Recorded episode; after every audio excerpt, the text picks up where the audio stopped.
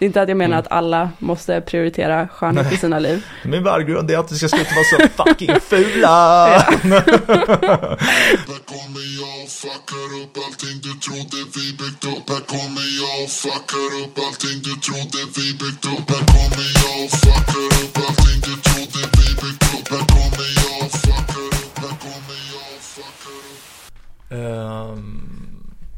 vad, fan ska, vad fan har hänt sen sist då?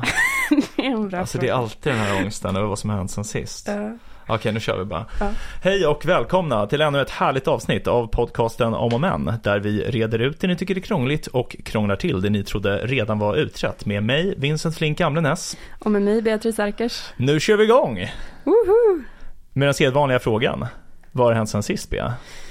Ehm, vad har hänt sen sist? Jag har varit på massa bröllop. Uh, är väl framför allt det som har hänt sen sist. Jag har varit på eh, två bröllop nu på två helger. Starkt. Ja, tack, tack. Mm. Eh, Jag i, mitt, I hela mitt liv har jag typ aldrig varit på bröllop innan. Alltså så här, jag har varit på ett bröllop innan det här året. Mm. Men nu så verkar det som att jag har så här rasslat till. Eller Ja. man säger. Bland eh, framförallt min eh, pojkväns eh, kompisar. För de är väl eh, ja, men 91 liksom. Eh, så alla är liksom 30. Fan vad barnsligt att säga 91 tor. de är, eh, vad säger man? De är 32, typ. ja, 31, 32. Så alla typ skaffar barn och gifter sig just nu. ja. Så um, men det är kul att gå på bröllop. Det, är ju det, det känns verkligen som typ den enda sortens fest vi har i Sverige där man klär upp sig. Eller? Ehm, ja, kanske promoveringsmiddagar och sånt där. Går man på många sådana? Avslöjning klasslöjet. ja. Nej men det, då måste man väl ändå ha någon form av frack eller annan högtidsdräkt vad jag förstår. Aldrig varit på en om jag ska erkänna. Nej, inte jag heller. Det känns som att det bevisar tesen ändå. True, Uh, case in point. men, men det är väldigt kul. Men jag taggar ditt bröllop framförallt. Ja. Då, det är det enda bröllopet som jag inte är plus one på. Så jag kommer känna, Aha, om du fattar. Ja, jag förstår. Jag, jag kommer känna dig. ja men det låter lovande. Mm. Um, Okej, så du har varit mycket, på mycket bröllop. Mm. Har du lärt känna några roliga människor där? Ja, men det har jag. På, nu i helgen så var det väldigt trevligt. Um, då satt jag jämte utbytesstudenterna. Alltså de som ah, eh, Okej, eh, bruden hade träffat när hon eh, ja, pluggar utomlands. Eh, så det var, det var trevligt. Det var så här, det var folk som de bodde i Bryssel och jobbade på EU och ehm, och jag, jag har en, någon sorts fetisch för EU, alltså jag älskar EU, jag tycker det är ett väldigt spännande koncept. ja, Eh, så det var väldigt bra, jag fick fråga mycket frågor. Och så träffade jag någon som jobbar på The Guardian, den här tidningen. Coolt. Eh, det var också kul, fick jag prata med henne.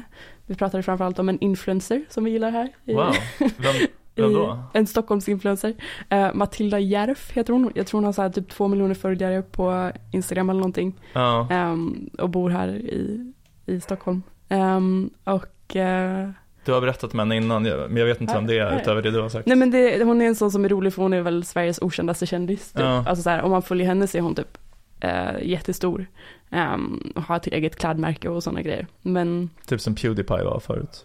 I guess. Mm. Han hade ju i och för sig typ, hur många, 150 miljoner följare eller någonting. Det är- 10 miljarder eh, i sekunden, nya Ja. följare. Ja, det- Exakt, ja, men Ja. jag tror det var så, va? det stämmer. Det måste ha varit så. Ja. Ehm, nej, men, eh, men så väldigt trevligt eh, får man ändå säga. Det är, Ja. bra tider nu ändå. Fett, ja men det är nice att det äntligen är bra väder igen. Ja, det Eh, Det har ju varit jävligt trist och grått och deprimerande men nu är gula klotet tillbaka som jag brukar kalla det. Är det så? Ja.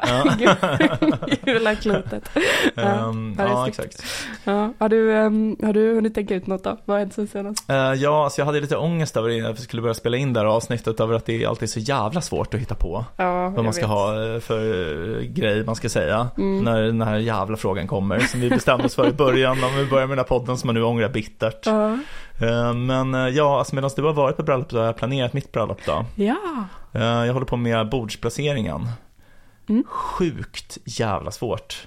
Så jävla svårt är det.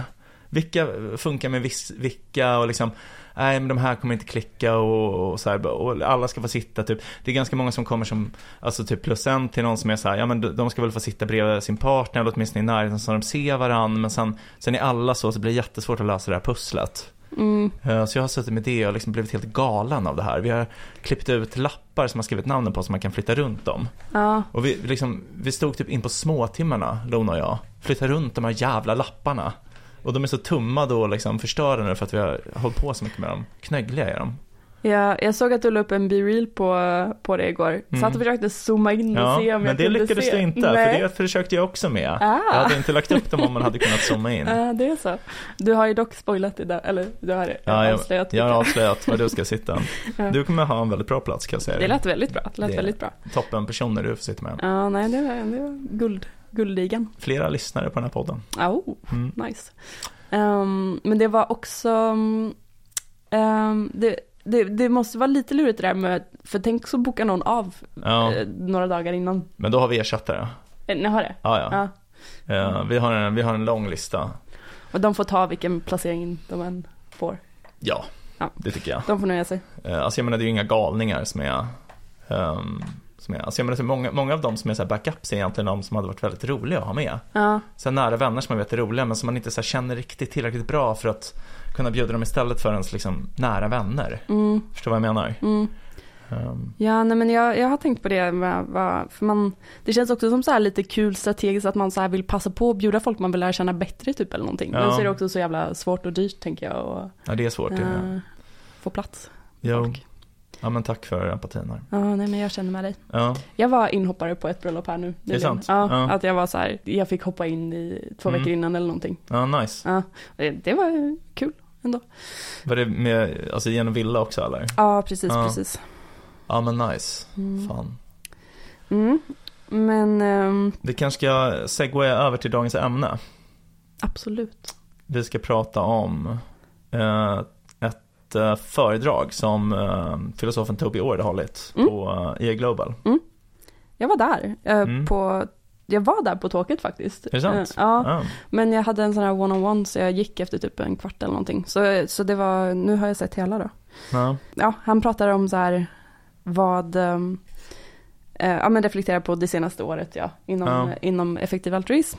ehm, som är det här som vi har pratat om med ja. en rörelse om, som funderar på hur man kan göra så mycket gott som möjligt. Och ehm, det var liksom opening talk för en stor konferens då i Global Bay Area där Toby, som är en av filosoferna som har grundat hela rörelsen, eh, skulle reflektera på vad som har hänt eftersom det här, vi har nämnt det i podden tidigare men alla kanske inte är up to date med att eh, Sam Bankman-Fried, grundaren av FTX, det här att eh, hans empire eh, kraschade kan man säga. Eh, så det var en massa människor som förlorade en massa pengar på att FTX, den här krypto-exchangen, kraschade. För de hade gjort massa olagliga saker Mm. och liksom slösat bort människors pengar. Bedrägeri helt Ja, enkelt. ja. Eh, och han då hade ju också, han var en av the- main donors inom effektiv altruism och eh, ha- hade en FTX eh, Future Fund som hade gett massa pengar till massa olika EA-initiativ och sånt där. Eh, som ju då så här nu typ, ja, jag tror vissa har behövt betala tillbaks och sådana grejer Mm. det har blivit. Men, eh, men framförallt så har det väl varit, eller framförallt, ja, så det är ju, det är ju liksom hemskt. Det. Mm. Men så det här var mer på typ att reflektera över, ja, Alltså hur det här relaterar till EA. Ja men precis och rent eftersom han är filosof så blir det ur ett filosofiskt perspektiv Mm.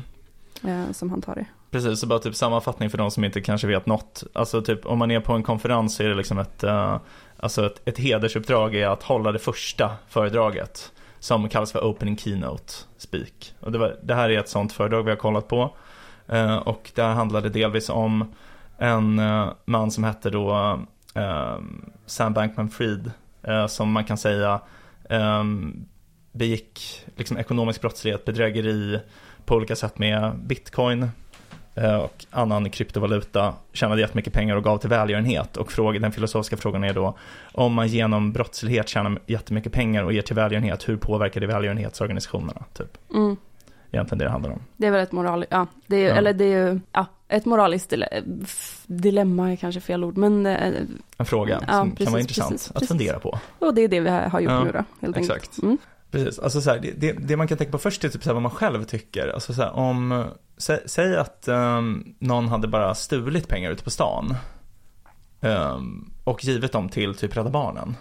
Mm. Skulle de, alltså personerna som hade blivit bestulna ha rätt att typ ha en fordran gentemot de personerna som fick pengar av Rädda Barnen då? Mm, det känns ju som en fråga som är så här, har Rädda Barnen hunnit spendera pengarna? Typ. Ja men om vi mycket- säger att man har hunnit liksom. Men rent tekniskt sett måste, eller det kanske är en gråzon även lagligt. Alltså jag tror att det är en fråga, i Sverige, åtminstone i Sverige, en fråga om så här, godtrosförvärv. Om, Okej. man har, alltså, om de fattiga barnen då i det här scenariot har förvärvat pengarna i god tro om att de inte är liksom stöldgods. Så, så, som jag förstår det kan man inte kräva tillbaka pengarna. Mm, Men de, kan ju alltid kräva tillbaka det av de som har stulit det. mm. Men jag tycker bara ur moralisk synvinkel att det är lite svårt. Så. Jag, jag, jag är lite osäker måste jag säga. Men eh, överlag så kan man ju säga, alltså så här, det funkar ju inte som ett system eh, att ha det så. Nej. Eh, så så det, och då tänker jag att då håller det inte liksom. Eh, och att då måste normen vara att man inte gör så. Mm. Eh, för om alla skulle göra så så skulle ja, systemet krascha. Så det, det känns ju som en så här, och det är väl en sån grej som man har sagt inom e-rörelsen väldigt mycket. Och framförallt då sen efter den här händelsen att det är viktigt att vara en, bara en bra människa också. Ja. Och att eh, inte, inte så här göra saker for the greater good på det sättet liksom. Att man, Alltså man ska inte tänka att, ehm, att man inte skyr några medel. Nej men precis, för att han, alltså grejen är att han, eh, han har ju liksom en filosofisk analys av det som har hänt som jag tyckte var väldigt intressant. Det är ganska ovanligt när man tänker så här att eh, någon skriver om ett brott som har begåtts. Att Mm. ha så här, det här är min filosofiska analys mm, av det här brottet som har begåtts. Det är väldigt så här mycket 1800-talsroman, Dostojevskij. Mm, Det är de här ideologiska strömningarna i samhället som ledde den här personen till att mörda en pantlånerska liksom. mm, Och på samma sätt så menar ju Toby Ord att det var Sam Bankman-Frieds fascination för en väldigt naiv form av utilitarism mm, som fick honom att begå, begå de här väldigt grova ekobrotten, liksom. Förskingra pengar, eh, extremt mycket pengar för eh, småsparare liksom. mm, Eh, och han, han börjar liksom med, med att bara gå igenom vad utilitarism är. Och de flesta som lyssnar på den här podden känner säkert till vad det är. Men bara kortfattat så, så handlar det om då att det enda som spelar roll alltså, i moraliskt hänseende är eh, vilka konsekvenser våra handlingar får.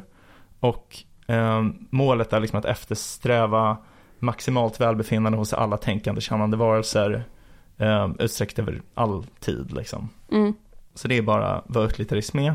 Och det man kan säga är typ att alla i e-rörelsen är typ utilitarister. Det är det överlägset vanligaste. mm. Alltså, ja, men inte naiva utilitarister då förhoppningsvis. Nej, alltså exakt för, och det för att Toby Ord gjorde sig ett namn som en utilitaristisk filosof men han har nu liksom svängt lite och gjort avkall på det här. Och det, jag skulle säga att det speglar ganska mycket de flesta inom EA som är filosofiskt intresserade. Alltså jag blev intresserad av EA på grund av att jag studerade filosofi och Mm. när jag gjorde det så var jag verkligen en så här benhård utilitarist. Mm, helt övertygad om att utilitarismen är rätt helt och hållet, det finns inga undantag.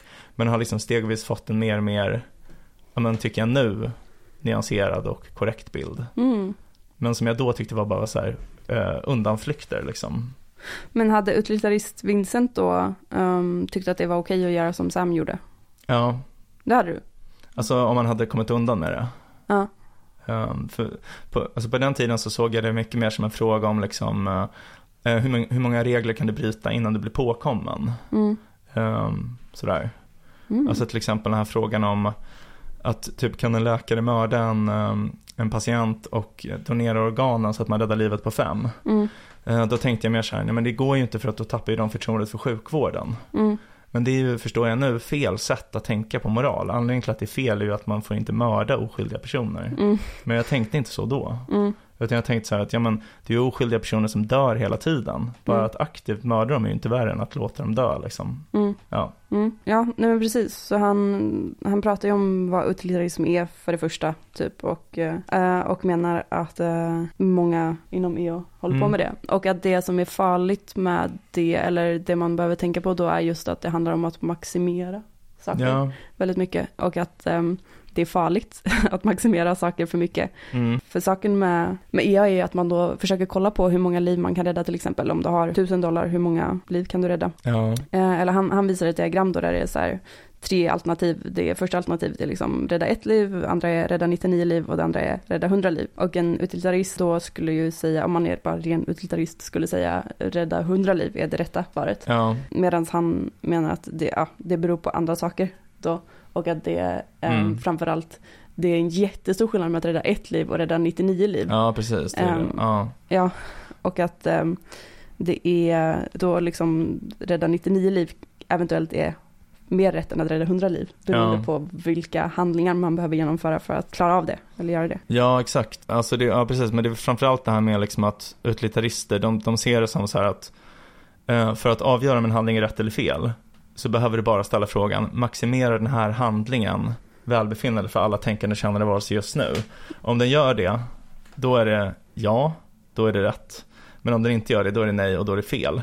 Så att det är så här, om det är fel, då är det lika fel att rädda en persons liv som att rädda 99 persons liv.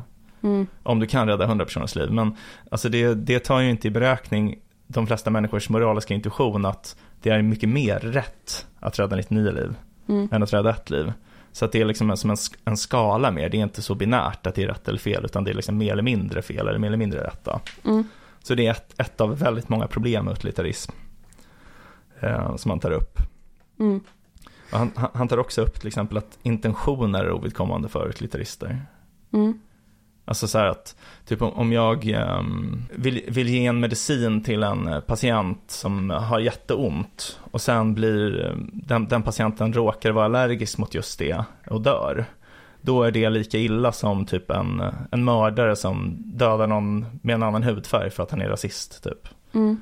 Så här, och det, en, det går ju helt emot våra moraliska intuitioner. Så här, att någon som Mm. försöker hjälpa någon är ju bättre än någon som är rasist och mördare. Mm. Men inom utilitarism så är det samma sak då för att båda har handlat på ett sätt som leder till att en person dör. Men det är, och det är väl det, men det är det som är konsekventialism, typ, inom utilitarism. Alltså att det är konsekvenserna som spelar roll. Jo, det, är- det är en form av konsekventialism kan man säga. Ehm, så det finns massa av sådana här eh, problem som man tar upp. Som Mm. jag tyckte var väldigt intressant och ver- verkligen tyder på liksom ett skifte i Åtminstone i ledningen är som jag inte riktigt tror. Alltså nu, jag har inte riktigt lika bra koll på rörelsen längre som jag hade förut. Men jag tror inte riktigt att det reflekterar de flesta. Så jag tror de fortfarande de flesta EAE är liksom um, Alltså så här total view-utlitterister, klassiska utlitterister. liksom.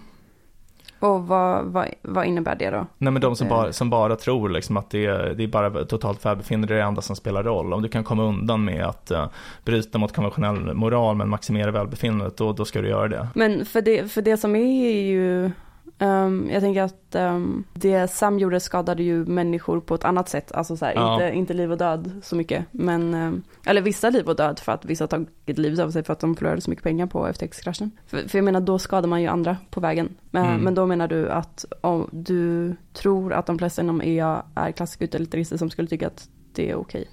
Alltså just det fallet när han blev påkommen vet jag inte. Men jag tror att de hade tänkt här att om han inte blev påkommen, då hade det inte varit fel. Jag håller ju inte med, eller jag tror inte att de flesta är mm, så.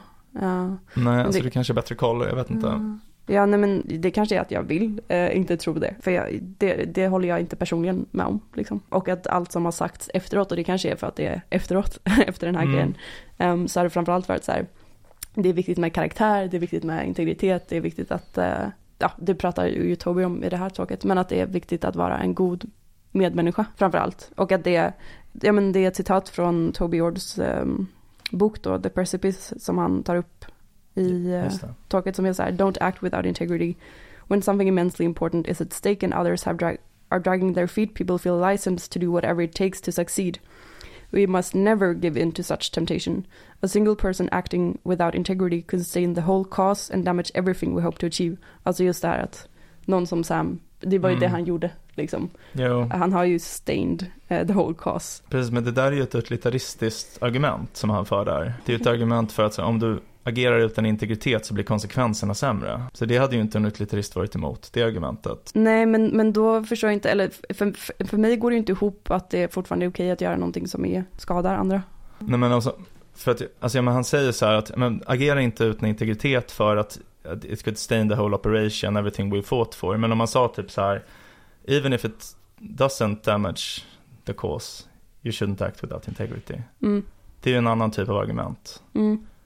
Alltså är du med på typ hur jag, Jo, nej men det, det, det är väl det jag menar, så här, typ att om Sam Ba- Bankman-Fried hade liksom lyckats i sitt bedrägeri och, in, och kommit undan, förskingrat de här pengarna, man vunnit tillbaks det på sitt investmentbolag, bedrivit bankverksamhet utan tillåtelse eh, och liksom donerat jättemycket pengar till välgörenhet. men, då, ja, men då menar du att om man hade kommit undan utan att skada andra? Ja, Ja, för då, det var ju det, han försökte göra ju. ju. Ja, det är ju en distinktion, eller ja, jag tänkte Jo. på det som att han, jag vet inte, kommer undan men fortfarande skadar människor. Men Alltså, det här är ju komma undan och inte skada. Alltså det beror ju på vad man menar med skada. Han utsatte ju dem för en risk oavsett. Ja, så det är ju en form av skada. Sen realiserades ju inte den risken. Så det är ju liksom en definitionsfråga. Men jag menar, alltså typ om jag säger så här att jag, jag bryter mig in i ditt hus när du inte är här. Sen stjäl jag dina besparingar som du eh, i det här scenariot har i kontanter under kudden liksom. Eh, och sen eh, investerar jag dem. Eh, och eh, det går jättebra. Jag tar själv vinsten men jag lägger tillbaka det under din kudde. Så här, jag har ju bara utsatt dig för en risk men det är ju ändå fel. Så här, Ja, jag tycker ju det. Ehm, och jag tänker att nu försöker jag tolka Torbjörn. ja, Men, men jag tänker att det beror på hur stor den risken är då ja. eh, i så fall. Eh, Jo, absolut. Alltså, jag tror att Toby Ord tycker det också. Men jag, Ja. jag menar bara att jag tror inte typ att, den, att det finns inget utilitaristiskt argument för det. nej, Alltså, så här, för att då är risken bara dålig i den mån det realiseras. Eftersom det är bara konsekvensen som spelar roll. mm, Inte själva handlingens art. mm, Eller vad det säger om din karaktär. mm, Typ att du är en lögnaktig tjuv. Alltså, mm. det, är så här, det är någonting dåligt att vara lögnaktig och det är dåligt att vara en tjuv. Men det spelar inte någon roll om det inte påverkar konsekvenserna ur en utilitaristisk synvinkel. Ehm, ja, nej men så det han pratar om är ju då att liksom jag borde, eller han menar att jag borde fokusera mer på excellens snarare än perfektion. Mm. Så som ju är det här skillnaden mellan att försöka optimera och maximera kanske. Ja, Ehm, att ehm, det är en jättestor skillnad på att rädda ett liv eller rädda 99 liv. Eh, och om man kan styra det så är det bra. Ehm, men att inte maximera på, inte fokusera på att getting from 99 till 100 procent nödvändigtvis. Nej, just det, att man, eh, för att man, man tänker så här att eh, även om man tror så här att men det enda som spelar roll är inte välbefinnande, det finns också andra mål för människor, till exempel värdighet. Mm. Att det är, det är viktigt, eller det, det har åtminstone jag ofta tänkt som en kandidat. Att så här, för mig är det viktigt att känna värdighet inför mitt arbete till exempel. Mm. Ehm, och att även om man tror det som jag tror, och jag tror att det finns massor av andra också, till exempel autonomi, eh, så tror jag ändå att välbefinnande är liksom en extremt bra proxy. Alltså så här, det, om, att, om man agerar så att man maximerar människors välbefinnande så kommer man i nästan alla fall agera rätt tror jag. Alltså, men eh, Toby Georges poäng är ju så här att även om man gör det i nästan alla fall, när du har det här maximistiska, att det är det enda som spelar roll och du ska liksom eh, ägna extremt mycket resurser, tid och pengar till det här, då blir det liksom i extremfallen blir det fel. Ehm, och så så, så det är ändå inte bra liksom att, att ha, även om proxyn är bra så är det inte bra att ha en proxy. Man, man borde eftersträva det man verkligen tycker är eftersträvansvärt. Mm. Ehm, då. Mm. Det är en bra poäng tycker jag. Nej men verkligen, verkligen. Ehm, Och det har han ju en idé om hur man ska göra, att man ska satsa mer som du säger på karaktären, liksom så här klassi- ja, men mer klassisk eh, moral, typ aristotelisk moral. mm. Ehm, så räknar han upp olika dygder då. Ja just det, det är de som fokuserar på liksom ehm, som individ. ehm, vilka som är bra att ha, vilka som är bra för samarbete och sådana grejer. Ja, exakt. Har du några favoritdygder som du tycker är för eh, lågt värderade i vårt samhälle? Ja, vad har jag, ja. Nej, kanske inte då. Jag ehm, själv försöker väl eh, tänka på att så här vara, kanske en, inte en dygd så mycket, men att vara autentisk. Mm, eh, har jag tänkt på som en sån grej jag vill vara. Ehm, inte förställa sig typ. nej men precis. Och att eh, det kanske också är en konstig, men att typ så här, alltså både så här vara snäll är ju en uppenbar, Mm. ehm, som jag tycker har ett, e- ett egenvärde. Ja, liksom. Ehm, ehm, men också vara, eh, och det är lite utilitaristiskt av mig, att typ, men att typ, jag tror att det är viktigt att hitta en bra nivå av att också vara snäll mot sig själv eller ta hand om sig själv. För att jag, jag tror att man blir en bättre medmänniska då. Mm. Ehm, ja, har du Så några? typ snäll, autentisk och lite self-love samtidigt typ. Ja men precis, men inte att man då, alltså så här, jag tänker att det också ofta kan bli att man äm, överoptimerar, typ, ah nu ska jag self-love och så är det så här, allt man gör är att typ köpa vin och choklad Mm. och ligga i badet eller någonting. Det, det menar jag ju inte, utan äm, man får ju pusha sig lite. Jag har ju också i och för sig kommit på, mm, jag har suttit och funderat på vad jag har för värderingar senaste tiden. Ja. För jag har tyckt att jag är lite, jag inte har någon styrning på mig själv med det där. Att jag jag inte riktigt har vetat vad jag, Du vill ha värdegrund. ja men ja precis. Vilka vär- värderingar ska styra. Det känns som en Eh, högergrej att hata värdegrunder.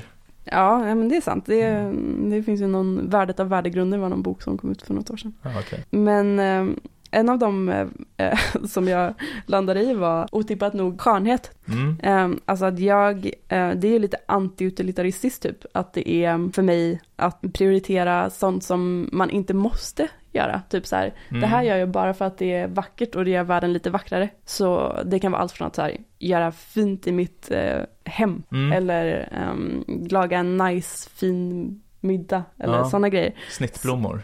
Snittblommor, precis. Också gärna sånt som så här, jag upplever att andra ofta blir glada av, typ så här, om man har roliga kläder på sig tycker jag ofta Ja. folk brukar bli på lite... Clownskor och Exakt. ja, en blomma som sprutar vatten. sexig clown. Ja. Eh, men, eh, ja men jag vet inte, det är, att, att göra det vackert omkring sig på något sätt tycker jag. Och det är väl för att jag är en väldigt visuell person som får energi av det själv också, som jag Mm. tycker att det är nice. Det är inte att jag menar Mm. att alla måste prioritera skönhet i sina liv. Min värdegrund är att vi ska sluta vara så fucking fula. Big L. ja, nice. Ja, men okej, då tänkte jag ändra Den, men den var otippad, du frågade om någonting otippat. Ja, Ja, det kanske jag gjorde. Men det, ja, men det, det låter bra. Jag kan ändå känna igen det där. Alltså det finns ju de, eh, till, exempel författaren Marcel Proust, han trodde ju att det var meningen med livet, skönhetsupplevelser. mm. Och att allting annat var helt meningslöst. Det är i och för sig lite sjukt att tro. Men eh, det, det ligger något i det ändå. Jag tror att vår tid eh, värderar det för lågt. Även Mm. om hans tid kanske värderar det lite för högt. ibland. Men- Ja, men det känns som att det där är en gruppgrej. Att vissa grupper, alltså det kanske är annorlunda i hur jag, än hur jag tänker på det. Jag menar inte att det ska vara fint som i, det ska vara fint som i homogent. Eh, eller att liksom alla ska ha ehm, Samma utseende typ. Exakt, all, att alla ska se ut, ehm, ha ett särskilt utseende för att man bor på Östermalm eller någonting. Alltså så här att det är, Nej, jag fattar. ehm, det är inte det jag menar. För där känns det som att vissa överoptimerar för Mm. Eh, Eller lägger för mycket energi och för mycket eh, resurser på att saker ska se fint ut inför andra. Alla köper barbourjackor till exempel. Ja, precis. Det är, inte det, det är inte det jag menar, utan jag menar mer det fi- att göra saker fint för att det gör människor glada. Mm. Inte för att det ska skapa någon sorts yttre press på, Mm, jag, fa- jag Eh. fattar distinktionen. ja, Ja, nej, men jag skriver under på det där. Det är en bra värdering. tack. Jag skäms lite för det nu. Men eh, ja, har du nå- något mer? Ehm, värderingar, alltså jag, dygder tror jag är att det är um, de två viktigaste och mest underskattade dygderna i vårt samhälle tror jag är eh, medlidande och tacksamhet. Mm. Det har jag tänkt länge. Tacksamhet har jag som en av mina värderingar. Det är ändå Mm. kul. Men medlidande är jag inte med på helt. Berätta. Eh, men jag, jag tänker att det är samma sak egentligen. Att det är, så här, det är svårt att eh, vara tacksam utan att ha medlidande. Mm. Det är liksom lite två sidor av samma mynt. Att, men människor eh, i vår typ situation i Sverige och så här, vi har inte tillräckligt med medlidande för eh, eh, fattiga människor, människor som har det svårt, sjuka. Eh, ja. Och eh, vi är inte tillräckligt tacksamma för att vi är friska och har mycket pengar och så här. Mm. Um, och jag tror också typ att vissa pratar ju om tacksamhet som en form av KBT, att man mår bättre av det. Mm. Och det är ju också bra. Det är ju bra att liksom må bättre, jag menar inte så. Men um, jag tycker inte att man pratar tillräckligt mycket om de moraliska aspekterna av tacksamhet. Att för mig handlar ju tacksamhet om att ha en korrekt uppfattning av världen. Mm. Alltså att uh, det är ju inte bara så att jag känner tacksam, instrument, tacksamhet instrumentellt för att må bättre, utan också för att det är liksom, jag har skäl att känna tacksamhet. Mm. Det är en liksom rationell känsla, det är inte bara någon form av terapi. Så. Um, Men det, det känns som en jättebra poäng.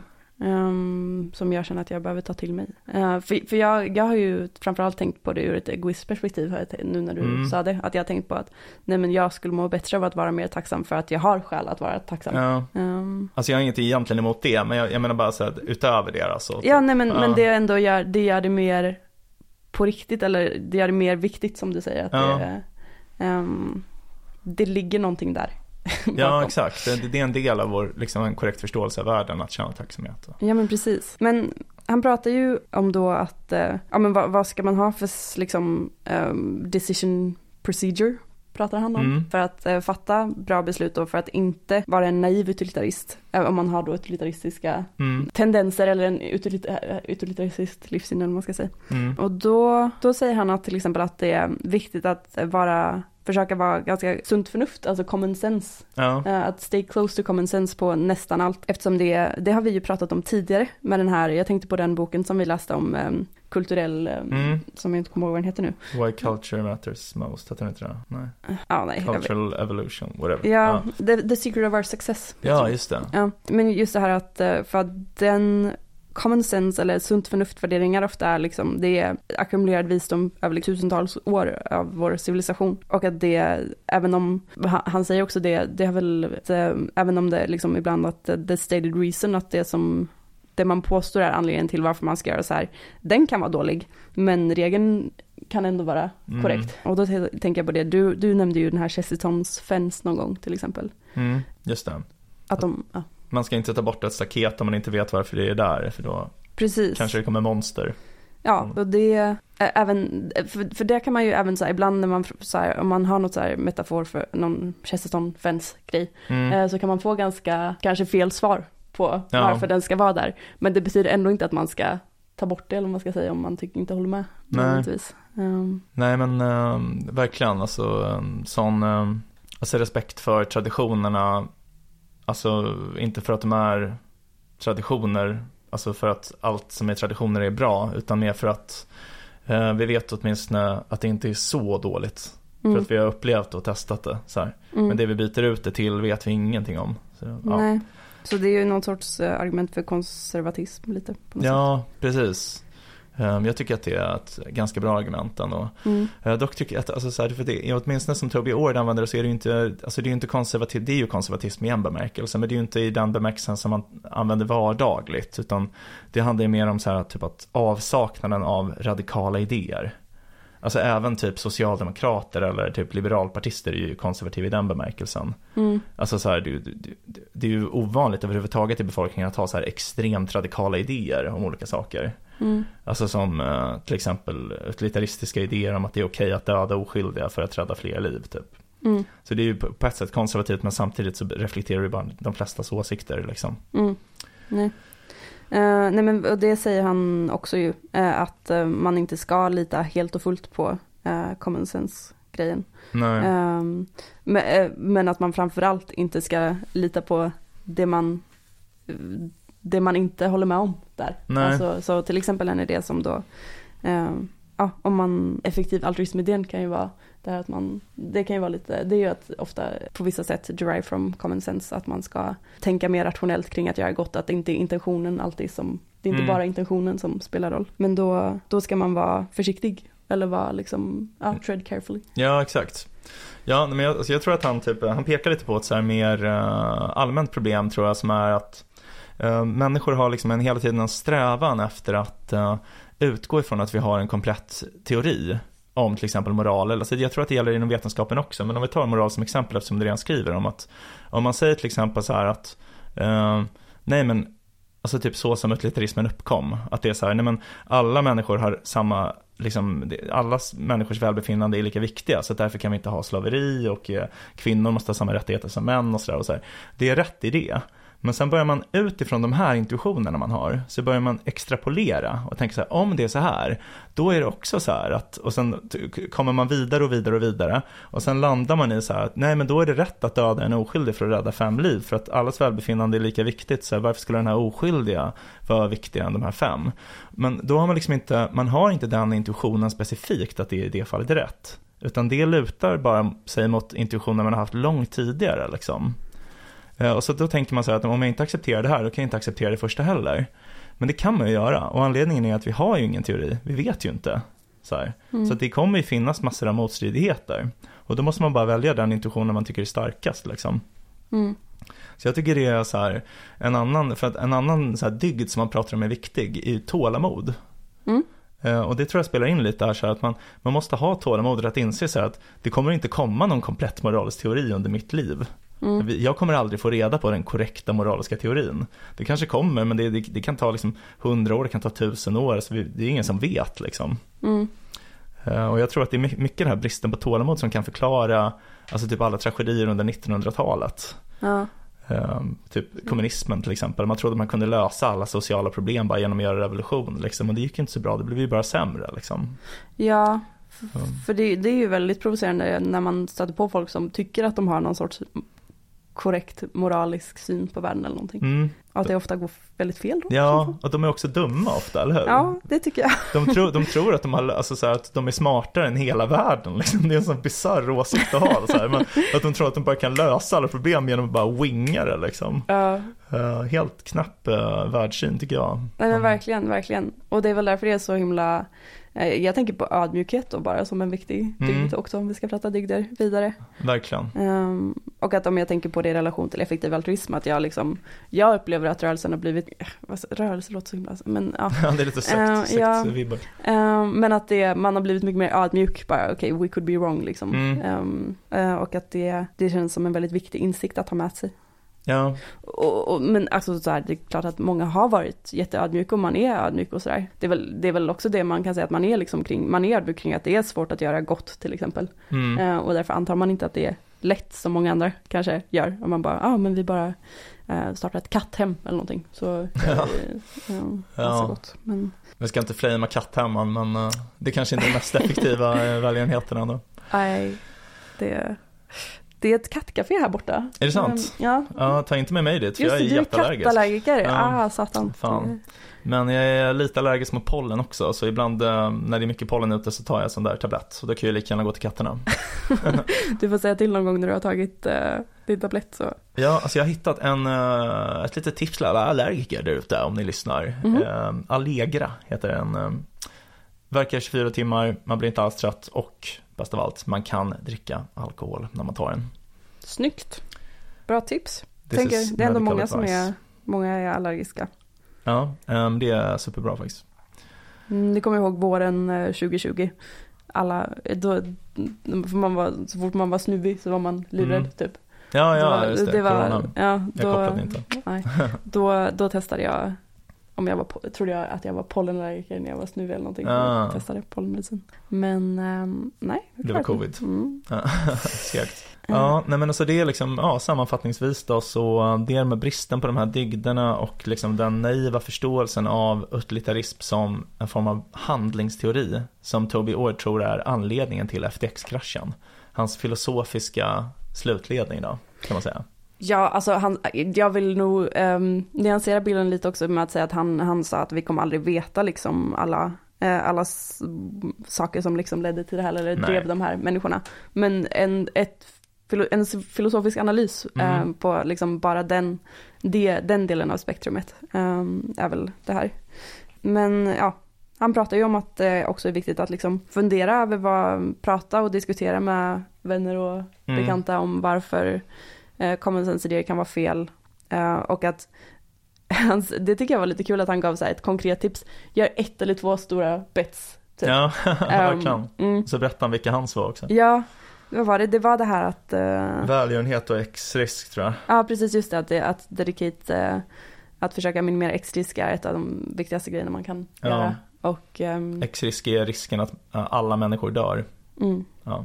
Ja, och men sen att man då hela tiden ska eh, fortsätta testa de idéerna.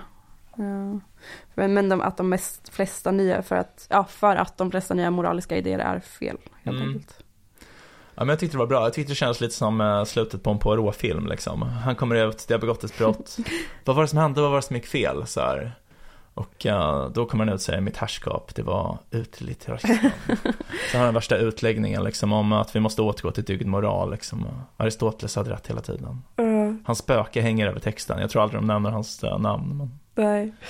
Det, ehm, ja, han, är, han har lite Poirot-vibbar ändå. Han är väldigt, väldigt söt, men en, Ja. en australiensisk eh, Poirot. Ja, Minus morse, va? Inga hår har han heller. Nej. Det har väl inte Poirot heller. Nej, för det tänker jag att Poirot kanske inte har heller Nej. riktigt. Men, uh, ingen, men mustasch har han. Ja, det är sant. Mustaschen behöver han. Mm. Han får Men- singers. Men det han säger är ju, vilket jag tycker ändå är relevant, eh, det är ju det att man inte ska liksom bryta common sense Mm. regler för, för de här mm, stora betsen man gör. Nej. Alltså precis, man, för man, man kan ju göra det när man, alltså det är också säkert att bryta common sense moral när man inte har något att förlora på det. Alltså typ så här, eh, alltså typ ge till välgörenhet. Så här, det, det kommer inte visa sig att det, det var ett brottsligt av det att göra. Alltså det, det, kan ju visa sig att du inte hade en plikt att göra eller att det inte var så viktigt att göra. Men det kommer inte visa sig att det var fel. Mm. att det var moraliskt fel att göra det liksom. Mm. Så det är lite mer safe än typ så här tippa bara, ja men jag antar att dödshjälp är rätt så att jag ger bara dödshjälp till folk nu. Så här, Mm. det är ju lite mer så kontroversiellt. Just det. Var, vart eh, är du på det spektrat nu? Eh, Jag vet inte, jag är lite osäker. Jag tror, alltså jag står nog egentligen kvar vid där jag stod när vi gjorde det här avsnittet om dödshjälp för ett år sedan. Att eh, man borde så långt det är möjligt tillämpa palliativ sedering. Just det. Mm. Men då var det, då var det hur, hur ofta är man tvungen att väcka och kolla med Ja, i, dag- I dagsläget måste man göra det jätteofta, men det tycker jag inte att man behöver. Nej, men, men ändå att man gör det lite då och då. Liksom. Jag tycker inte man behöver göra det någon gång. Nähä, men det är ändå, Jag, jag tycker man kan uh, sedera för gott. det tycker jag är så konstigt ändå. Eller kan man inte säga en gång om året bara knacka på dem och fråga? Nej, men så länge kan man ju inte sedera folk, flera år. Nähä, okej, jag har ingen, nej. Eller alltså, det, ja, det blir ju enorma Hur länge gör man det? Gör man det några månader? Alltså några dagar, några Aha. dagar. Ja. Um, Men vadå? hos sköra patienter som, Mm. som inte har långt kvar att leva. Ja okej, men då, då räknar man med att de kommer dö i närtid liksom? Ja. Okej. Ja. jag vet inte, man kanske har gjort det en vecka någon gång. Jag vet, alltså jag, jag vet faktiskt inte. Kort tid tänker jag, några, några dygn. Ja, ja, men då, då fattar jag vad du, vad du leker med. Eller vilka, vad ditt material är. Så att säga. Jag tänkte att Mm. man skulle hålla folk nedsövda i år och bara, Ja, det, det, det, det är jag nog inte för ändå. Det låter helt knäppt tycker jag. ja. Och ge dem dropp och sådär typ och bara Ja, försätta dem i koma liksom. ja men precis. Det är så jag uppfattat det. Ja. Nej, det, Mm. det, det är jag emot. jag, är emot jag är emot den här industriella koman. Ja. Ja, nej, men jag tycker det är bra att de, så här, man borde tänka mer på, att, på dygder och så här, jag, jag, jag har tänkt på det länge, att man borde tänka mer så här, jag, jag önskar att jag var en bättre person och så här, eftersträva att bli en bättre person, bli en bättre kompis och sådär. Det är ganska ovanligt att man hör folk säga det, eller Mm. hur? Ja, det kanske är just, eh, just sådana grejer. Ja. Jag önskar att jag var mer autentisk, eller så här, sådär. Ja, Nej, men jag, jag har ju börjat eh, fundera på det senaste tiden. Och då har jag till exempel ja, men tänkt att jag vill vara mer generös. Ja, Det är ju att vara en bättre kompis och sådana grejer. mm, ja det är Ehm, sant. För att jag upplever att jag har mottagit så mycket generositet från vissa människor och sånt i mitt liv också. Att jag Ja, men det är en bra idé. Förstått hur viktigt det kan vara. Och jag tror också så här hur mycket man får av att ge. Det låter ja, Mm. flummigt. Men ehm, det ligger ändå någonting i det. Vad ska du göra? Vad ska du ge bort då? Ehm, men jag tror första steget ska vara att bara ha, jag försöker ha ett väldigt öppet hem. Mm. Typ. Alltså att alla ska vara välkomna hit. Nu idag är ett här. exempel på det. Det är lite Ja. kaos. Det är massa eh, här och en galen hund. Ja, Ehm, väldigt glad hund. Ja, och min stackars pojkvän som försöker jobba. Det. Ja. Men, ehm, ja men precis att bara vara, ha ett öppet hem där alla kan känna sig välkomna liksom. Mm. Om man, ja, behöver det. Skitbra. Mm. Det känns som mitt första, första steg. Där, för det känns som att det är någonting jag har nu som jag kan dela med mig av liksom. Ja, Det har jag inte haft på ett tag. Eh, Ett hem alltså. ja men det är bra. Mm. Är det någonting mer vi vill säga innan vi rundar av då? Nej, alltså det jag kan säga är typ om man är lite intresserad av FTX-kraschen eller EA så, så kan jag verkligen rekommendera det här eh, föredraget. Det var liksom väldigt bra och jag läste det också efteråt och det är väldigt välskrivet. Man märker att han verkligen har liksom lagt ner tid på att skriva det här manuset och väldigt intressant liksom formmässigt hur han går in på de här ändå så här ganska avancerade filosofiska frågorna mot bakgrund av bara vanligt bedrägeri liksom. Det är väldigt bra tycker jag, verkligen. Ja, han, han skrev ju sin eh, doktorsavhandling på, på det här ämnet typ. Så det, det är ju absolut ett, eh, ett ämne som man kan mycket om. Och jag håller med om att det känns verkligen som att han la ner tid och energi på det. Mm.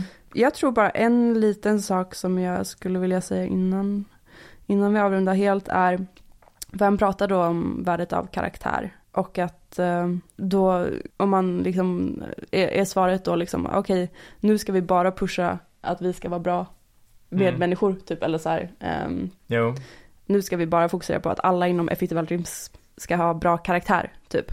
Eh, och då menar han att det inte är, eh, han menar inte det, att det är liksom, this is the cause now, för att det, det är helt enkelt olika, typ, det är viktigt på olika sätt. Mm. Eh, och han, eftersom han är, ja men, analytisk filosof, så har han också liksom en skala på det lite, Mm. där han menar att det är liksom som två olika sorters skalor. Där, ehm, Alltså det han tänker är mer typ så att när det kommer till välgörenhetsinterventioner till exempel så är effektiviteten kan variera liksom med faktor tusen. mm, Eh, Så att det liksom ena interventionen kan vara ja, liksom, lite bra och en annan kan vara tusen gånger så bra. Men det, det är ju väldigt svårt att tänka sig att en person som har en normal personlighet och så finns det någon annan som har en tusen gånger så bra personlighet. alltså det, är så här, det varierar inte så mycket. Nej men liksom. precis, det är en mindre skala bara eller så. Ja. Mm, ja. Nej men precis, och, och det tyckte jag bara var en intressant grej och att den känns intressant att tänka på överlag kring andra saker också. Att, vad- men vad är det för skala på det här sakerna? Att Mm. saker kan vara viktiga på olika sätt liksom.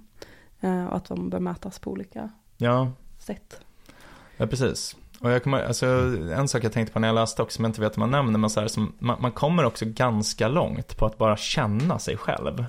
Att veta så här, men det här är jag bra på, men så här, det här, jag är liksom lite självgod. Så här, det, jag måste acceptera det hos mig själv, att jag är lite självgod. Och det kan människor utnyttja på ett eller annat sätt, till exempel genom smicker och sådär. Så att jag borde vara lite på min vakt typ. Mm. Så man måste inte bli liksom en ängel, bara man vet på vilka sätt man inte är det liksom. Så, Men det tycker jag är intressant för det, um, jag håller med om det och jag kommer ihåg det från um, när man, jag har läst uh, Yuval Noah Hararis böcker och att han har en bok, den här 21, 20 21, 21 lessons for the 21st century där han pratar om liksom olika saker som han menar kommer hända nu typ. Det är för som en, att försöka skriva, han har försökt skriva vad han tror kommer hända i framtiden och det är ju mycket kraftig, kraftig teknisk eh, utveckling helt Ja. enkelt som kommer att förändra vår värld väldigt, väldigt mycket. Och att han då drar slutsatsen att, alltså han menar ju att det är så här, ja, han mediterar mycket och sådana grejer. Men att, att vi, vi måste känna oss själva. mm. Eh, och det är en sån grej som återkommer mycket i, ja men AI-frågan som vi pratar mycket om, liksom att så här, den svåraste frågan för oss just nu är att veta hur vi vill forma AI, typ hur vi ska align AI. Och det vet vi inte för vi, vi, vi kan inte ens ehm, lista ut det själva. Liksom. Nej. Så det är väl, know, know thyself är väl en dygd om Ja, något. precis. Det var ju det som stod över porten till oraklet i Delphi. Det var det? Ja, det var därifrån det är känt tror jag. Ah, mäktigt. Ehm, ja, men okej, ska vi uh, runda, runda Ja, av? ja. Ja. Eh, nice, det har blivit ett fett avsnitt tycker jag. Mm. Och tack till lyssnarna för att ni har lyssnat på det här härliga avsnittet av podcasten Om och Men. Där vi reder ut det ni tycker är krångligt och krånglar till det ni trodde redan var utrett. Nästa vecka kommer vi prata om någonting Helt sjukt. Jag fuckar upp allting du trodde vi byggt upp Här kommer jag och fuckar upp allting du trodde vi byggt upp Här kommer jag och fuckar upp allting du trodde vi byggt upp Här kommer jag Vi har en mejladress, om gmail.com. Om och men, gmail.com. Hör gärna av er om ni har några förslag på ämnen vi kan ta upp i podden eller om ni undrar något. Vi kommer att svara på alla mejl. Tack för att du har lyssnat. Vi hoppas att du vill lyssna även på nästa avsnitt som kommer på måndag.